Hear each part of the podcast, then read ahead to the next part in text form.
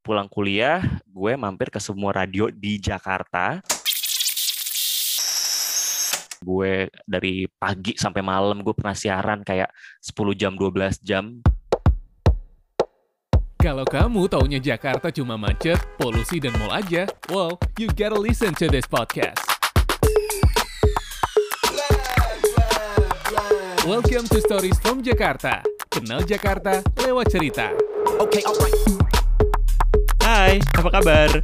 Selamat datang lagi di podcast Stories from Jakarta barengan sama gue Farid. Kemarin tanggal 11 September kita baru saja merayakan Hari Radio Nasional. Nah, Hari Radio Nasional ini punya arti yang khusus sebenarnya buat gue karena memang dari dulu tuh suka banget gitu ya mendengarkan radio dan pengen banget jadi penyiar radio.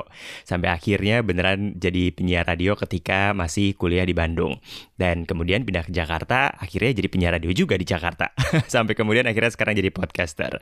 But this episode is not about me.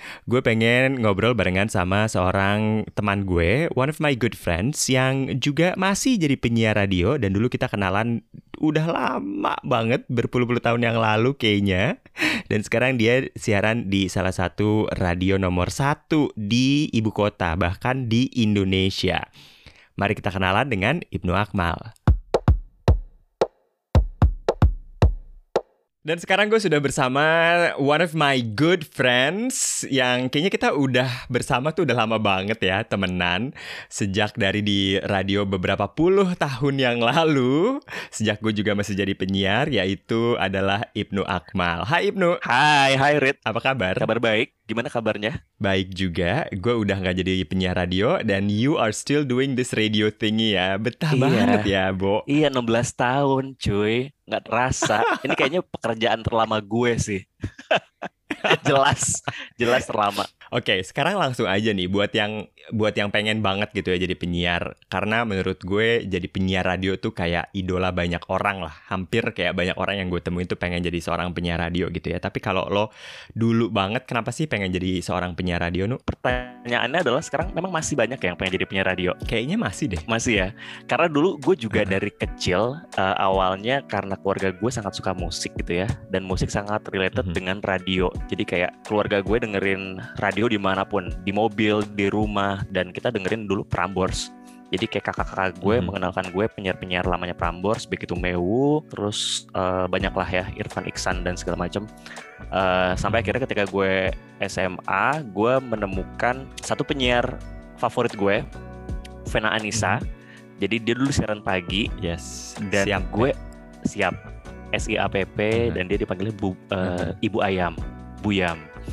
Dan gue sangat suka dia siaran karena dia kayak menjadi teman gue bangun tidur Mhm. sampai gue mandi sampai gue berangkat sekolah itu kayak gue ditemenin perjalanannya dari jam ke jam gue merasa dia kayak sahabat gue gitu menemani kehidupan gue selama sekolah dan ketika kan Prambors dulu kayak SMA tuh kayak kayak datang ke sekolah kan gue sampai berhasil Mhm, mhm. mendatangkan Prambors ke SMA gue tau gak sih lo terus akhirnya Wow, gimana itu? gue kontak jadi gue Ah. cu- cukup aktif sih untuk kayak partisipan di Prambors waktu itu dan dulu mereka sangat menghargai gue nggak tahu ya sekarang tapi gue rasa sekarang harusnya masih sih ya semua radio menghargai pendengarnya jadi kayak kita kontak sangat direspon jadi benar-benar baik banget cara mereka mengengage si pendengar dan ketika Vena akhirnya memutuskan untuk eh, menikah ya ke luar negeri ke Amerika Mhm. Mhm. ikut suaminya itu gue sampai nangis coy gue sampai eh, Hmm. apa eh, dikasih tahu nomor telepon rumahnya Vena Anissa dulu belum ada Oh handphone terus gue telepon untuk Heeh. ngucapin say goodbye gitu kayak terima kasih ya lo udah baik sama gue gini gini gini gini gitu Oh my God. ya Terus dia gimana? sebenarnya waktu itu dia udah berangkat sih jadi nyokapnya yang ngangkat Oh gitu Mm. nyokapnya. tapi oh, gue- gue- gue kayak- oke. Ya gue ngerasa dia berhasil menjadi peran itu dan ketika saat itu juga gue pengen oh berarti gue pengen jadi seorang penyiar radio nih karena kayak Hmm, kayaknya asik hmm, bisa muterin hmm. musik terus bisa juga jadi teman Hmm. bagi orang lain Terus kemudian lo sudah menga- apa sadar nih kalau lo pengen jadi penyiar radio. Mm. Pada usia berapa atau pada saat kapan lo kemudian mulai melamar-lamar atau bagaimana caranya lo tahu untuk menjadi seorang penyiar radio? nah ketika di SMA itu kan Prambors tuh suka ada penyiar eh, SMA kan dulu namanya DJ kamu Eh, dan gue nyoba kebetulan gue nyoba di pas kelas 3 SMA which is ternyata di Prambors Hmm. tuh nggak bisa mereka nyarinya kelas 1 atau kelas 2 karena kelas 3 kan udah ujian kan jadi Mhm. dari situ gue ngerasa oh sempat sakit hati karena ternyata adik kelas gue yang kepilih untuk jadi penyiar di Prambors. Maksud gue kayak hey gue udah dari kelas 1, kelas 2, kelas 3 udah memaintain uh, maksudnya kayak udah branding diri gue pengen jadi penyiar radio kenapa jadi adik kelas gue yang kepilih gitu? Karena dia kelas 2 dari situ Hmm. dari kuliah akhirnya gue mencoba-coba untuk mulai uh, mewujudkan mimpi gue jadi penyiar radio sih agak unik juga Jadi sih pada saat lo kuliah nih ya, pada saat lo Kuliah. kuliah nih, lo mulai melamar-lamar nih ya. kuliah Itu prosesnya seperti apa? prosesnya kalau zaman sekarang kan pakai email gitu ya ya kayak email atau Mhm, lo mhm. lewat sosial media lo kenalan mungkin Mhm. sama eh, untuk profile si perusahaan itu kalau gue dulu adalah terinspirasi dari idola gue sendiri jadi Mhm. gue suka Spice Girls gue melihat mereka eh, mereka itu apa ya sangat bertekad gitu ya untuk mewujudkan mimpi mereka mereka berlima terus pengen eh, jualan lagunya akhirnya mereka door to door ke semua Mhm. eh, recording label ke produser ke radio gitu ya untuk nawarin musik mereka sampai akhirnya mereka berhasil sukses dan ketika Mhm. gue baca perjalanan kesuksesan mereka gue merasa oh kalau mereka bisa gue juga bisa nih akhirnya gue melakukan Hmm. hal yang sama dengan mereka yaitu ketika gue kuliah pulang kuliah gue mampir ke semua radio di Jakarta. Dan Oh itu gue memutuskan ketika akhirnya gue sudah menyelesaikan semua SKS gue ya. Jadi ketika teman-teman gue udah Hmm. masih pada kuliah gue udah selesai tinggal tesis eh sorry tinggal skripsi gue akhirnya mulai tuh ke semua radio di Jakarta naik angkot naik bus naik kereta Hmm. untuk naruh CV sama contoh uh, vokal gue. Dan itu yang sempet banyak drama juga sih ternyata. Gue tuh pernah ya gue mau ke Prambors nih dari pasar Minggu rumah gue uh, naik kereta. Gue gue kan yang gue tahu adalah gue naik, naik kereta naik kereta aja kan. Ternyata keretanya itu menuju Tangerang.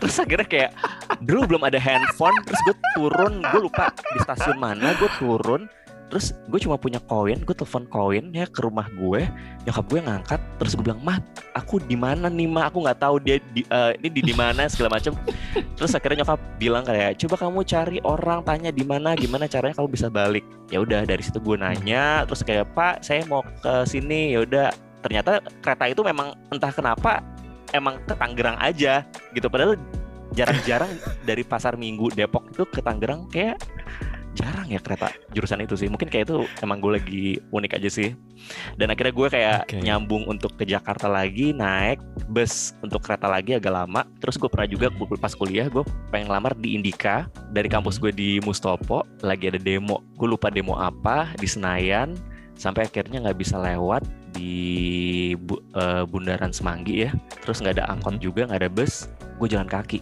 dari Mustopo Ya ke. Indika di Gatot Subroto Ya Allah, perjuangan ya, Bro. perjuangan tapi begitu gue selalu pas gue ngasih ya udah gue cuma kayak oh ya udah gue nyoba dan gue nggak pernah berhenti sih sampai akhirnya Hmm. gue nyoba di Radio A. Radio A itu dulu sempat ada dia buka booth gitu di salah satu pameran. Karena Radio A ini kan memang bukan radio yang komersil gimana-gimana, Rit lu tahu dong.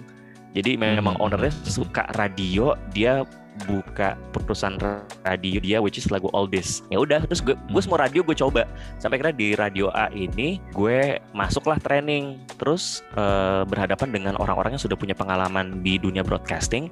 Tapi uniknya adalah cuma gue yang diterima. Wow, Gitu sih. Berarti memang jalan lo tuh ya ke radio A itu ya. Maksudnya memang salah satunya gitu adalah takdir lo diterima di radio A gitu ya, tanpa harus kayak melihat pengalaman-pengalaman orang gitu ya nggak sih? Benar benar benar. Tapi memang mungkin ya karena gue udah bertekad, maksudnya kayak udah udah nggak pernah nyerah gitu ya. Terus ketika gue harus menghadapi eh, saingan-saingan gue yang sudah punya pengalaman di, di dunia radio, ternyata mungkin mereka melihat juga Rit. Kayak Hmm. gue nggak tahu ya mungkin kadang-kadang ketika lo sudah punya pengalaman di salah satu bidang ada yang ngerasa oh gue jago kok. Jadi akhirnya menyepelekan gitu dan mungkin mereka Hmm. nggak nggak masuk training mereka telat sedangkan gue yang udah datang kayak sejam dua jam sebelumnya gitu jadi mungkin hal-hal itu juga yang menjadi poin plus bagi si radio ang mikir oh ini Hmm. anak kayaknya memang pengen jadi penyiar radio deh Hmm, oke oke. Nah, kalau kemudian di radio-radio lain yang lo lamar yang sebanyak itu tuh yang eh, lo datengin satu-satu, ada kabar digantungin atau lo ditolak atau gimana tuh? rata-rata sih ketika zaman dulu ya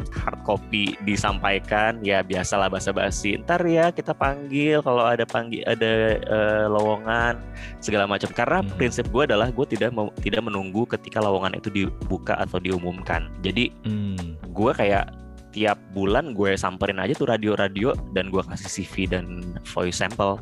Dan ternyata memang di belakang layar ketika gue 16 tahun di radio ya ketika pasti kemarin juga tahu dong ketika ada satu penyiar yang resign segala macam kan nggak semua radio ngumumin eh kita lagi buka nih lowongan. Terus kita akhirnya mulai cari dari koneksi teman-teman eh lu punya teman kayak bisa siaran? Atau ya dari CV-CV yang Hmm. masuk. Jadi sih salah satu tipsnya adalah ya lo nggak akan pernah tahu ketika radio itu punya lowongan atau enggak mending lo taruh aja sih CV-CV Hmm. lo itu Menurut lo ada perubahan gak sih cara rekrutmen penyiar dulu 16 tahun yang lalu dengan sekarang? Em, kalau sekarang mungkin lebih ke referensi temen ya jadi kayak Hmm. kalau ada penyiar kosong terus kayak eh punya temen nggak ada nih teman gue nih yang bisa siaran gitu kalau zaman dulu jadi mungkin karena orang yang sudah punya bekal siaran itu mungkin lebih gampang untuk langsung siaran gitu zaman sekarang kalau zaman dulu kan kayak Mhm. maunya ngajar nih dari nol nih supaya konsepnya sama, sepaham, visi misinya tahu soal radionya gitu kan. Tapi kalau sekarang sih Mhm. kayak lebih gampang ya. Kayak semua orang bisa mencolok sana mencolok sini selama punya pengalaman siaran, tinggal dipoles dikit bisa gampang masuk sih ke industrinya. Oke, selama 16 tahun nih lo jadi penyiar radio, what is the best thing that has ever happened to you? Apa sih hal terbaik yang pernah terjadi sama lo? Em, banyak sih Rit. Eh, hal-hal yang kayak oke waktu jam mungkin pengalaman ba- banyak di radio A sih karena di radio A itu gue bener-bener kayak push the limit banget sih jadi kayak gue dari pagi sampai malam gue pernah siaran kayak 10 jam 12 jam karena senior senior gue Wow. kayak eh, gue nggak bisa siaran nih terus akhirnya kayak kosong kan dan bos gue waktu itu nggak mau tuh Mhm. radio tuh kosong jadi gue mesti siaran lagi jam berikutnya terus kayak ketika sore nggak ada penyiarnya gue siaran lagi sampai malam dan itu benar-benar kayak Mhm. Tapi gue sangat suka gitu entah kenapa gue kayak kecanduan atau gue sangat enjoy jadi dan gue tidak memperhitungkan gue nggak pernah memperhitungkan sih sampai sekarang kayak dulu gue dibayar per jam itu cuma lima ribu rupiah. Mhm. dan gue sangat bangga malah kayak oh gue malah bahkan kayak ongkosnya ongkos dari rumah gue ke radio lebih mahal dibanding apa yang gue terima gitu kan. Tapi gue nggak pernah memperhitungkan itu. Yang gue lihat adalah oh gue berhasil mewujudkan apa yang gue cita-citakan. Terus gue interview musisi lah ya gue tuh gue suka. Dan yang paling gue bangga banget jadi waktu di radio A itu adalah 100% lagu barat terus tiba-tiba bosnya berinisiatif nih. Bo- lucu kali ya kalau ada lagu Indonesia program yang yang memutarkan lagu-lagu Indonesia. Nggak usah lama-lama deh dua jam Mhm. aja. Terus digelontorin tuh ke penyiar-penyiar siapa yang mau megang. Terus nggak ada. Nggak ada yang mau megang sampai akhirnya Mhm. oh yaudah gue aja deh gue siaran. Dulu namanya adalah Katulistiwa Flight. Terus siang-siang jam jam satu jam satu jam satu sampai jam 3 atau gue lupa deh setelah after lunch. Dan dari program yang kecil yang gak dilihat sama radio itu sampai akhirnya pendengarnya banyak banget Rit. jadi zaman dulu kan belum ada WhatsApp Hmm. cuma lewat SMS dalam dua Iya, jam iya, gue iya. siaran itu bisa 350 SMS Wow, gokil. Iya, dan abis itu kayak semua kayak pendengar tuh kayak datang ke radio A dengan eh, segmen usia 25 sampai 30 ke atas gitu ya, ngebahas soal perceraian lah, pernikahan. Sedangkan gue masih kuliah, terus mereka kaget yang kayak Oh ini loh Captain Steve ternyata masih bocah banget Disangkanya Oke, udah mas-mas oke. brewokan Cabi gitu ya terus, terus akhirnya kayak gue yang kayak oke dan dari situ kayak bos gue ngeliat wah ternyata memang nggak bisa dianggap remeh nih dan gue dianggapnya waktu itu adalah underdog jadi kayak bos gue bilang kamu tuh underdog di radio ini dan gue sampai dapat penghargaan best captain penyiar terbaik di tahun 2008 itu Hmm, award wow, yang dibentuk oke. 2008 terus 2009 2010 nggak ada lagi jadi cuma gue pemenangnya selama radio itu ada. yes. Mission accomplished ya. Oke, Nu, tapi kan lo udah pernah nih jadi penyiar di dua radio yang berbeda, Radio A sama iRadio. Betul. Ini kan beda ya, maksud gue secara market, target, eh, peringkat, eh, pemutaran lagu pun itu berbeda gitu ya. Kalau iRadio ini kan menurut gue sangat masif gitu ya, orang-orang tuh dengerin gitu iRadio Mhm. eh, nomor satu bahkan kalau nggak salah ya di Jakarta kalau nggak di Indonesia gitu. Hmm. Nah apa sih bedanya lo siaran di radio A yang waktu itu mungkin juga masih struggling untuk mendapatkan pendengar dengan di e-radio sekarang ini yang udah populer. Em, perbedaannya ya memang gue akuin sih iRadio itu sangat masif banget didengerin sama abang-abang eh, Gojek gitu ya, ibu rumah tangga, terus eh, ada juga tapi sangat luas sih mahasiswa, terus eh, streaming di luar negeri juga banyak gitu ya. Jadi memang sangat wow banget dengan kecintaan pendengar yang sangat luar biasa untuk radio sih untuk iRadio. Eh, mungkin perbedaannya adalah ya udah kalau misalkan di radio A mungkin gue bisa kayak outstanding di iRadio ya udah gue cuma penyiar weekend yang hanya menjalankan jam siaran gue dan passion gue aja gitu. Jadi gue hanya ber eh, berperan sebagai penyiar aja gitu karena banyak banget kan yang outstanding outstanding gitu kan tapi gue sangat menikmati peran gue sangat menikmati pekerjaan gue dan ya udah dan gue sangat berterima kasih banget dengan apa ya apa yang gue dapetin sekarang sih Rit. jadi benar-benar kayak bahkan si listeners ini itu kayak jadi teman-teman gue sendiri temenan di sosial Hmm. media terus akhirnya kita suka jalan waktu sebelum pandemi. Kayak acara nobar ya udah habis nobar kita nongkrong di mana ngopi gitu. Jadi benar-benar kayak udah bukan kayak pendengar sama penyiar tapi ya udah kayak teman aja. Apa kabar gitu kayak kehidupan lo gimana kabarnya gitu gitu sih. Menurut lo nih, can we make a living menjadi seorang penyiar radio? Em, ini harus jujur ya harus jujur sih jujur, sih jujur, jujur, jujur. Eh, bukan bukan yang mengawang-awang motivator Iya. apalah-apalah ya, tapi beneran jujur menurut lo. jujur sih menurut gue nggak bisa ya nggak Hmm. bisa gitu kayak kita tidak begitu masuk di industri radio boom langsung udah kayak Indra Bekti misalnya atau udah setenar eh, katakanlah Mas Iwet Ramadan gitu nggak kan jadi menurut gue untuk eh, survive di dunia radio sih lo harus lebih ekstra lagi untuk kayak untuk hidup ya. Eh, main radio lo harus punya kayak pekerjaan lain seperti lo nge-MC atau lo mungkin jadi VO atau mungkin lo kantoran juga sih. Menurut gue itu kayak lebih aman untuk kehidupan sehari-hari. Hmm, Oke, baiklah. Terus nih terakhir kalau gitu, kalau lo bisa memberikan saran nih kepada seorang Ibnu Akmal zaman dulu waktu masih merintis jadi seorang penyiar radio gitu ya, waktu awal-awal 16 tahun yang lalu, 15 tahun yang lalu, apa yang akan lo kasih saran ke mereka, ke ke ke, ke dia maksudnya, ke Ibnu Akmal yang muda ini, jangan temenan sama lo kali Rit ya. Bukan role model yang baik ya. Enggak, enggak, enggak, enggak. Maksud gue dulu kita kenal juga dari komunitas penyiar kan dan itu menurut gue Iya, memang iya. salah satu hal yang sangat positif sih. Jadi kayak kita bisa mengenal penyiar dari ber- eh, radio yang berbeda-beda terus akhirnya temenan lama sampai sekarang itu keren sih.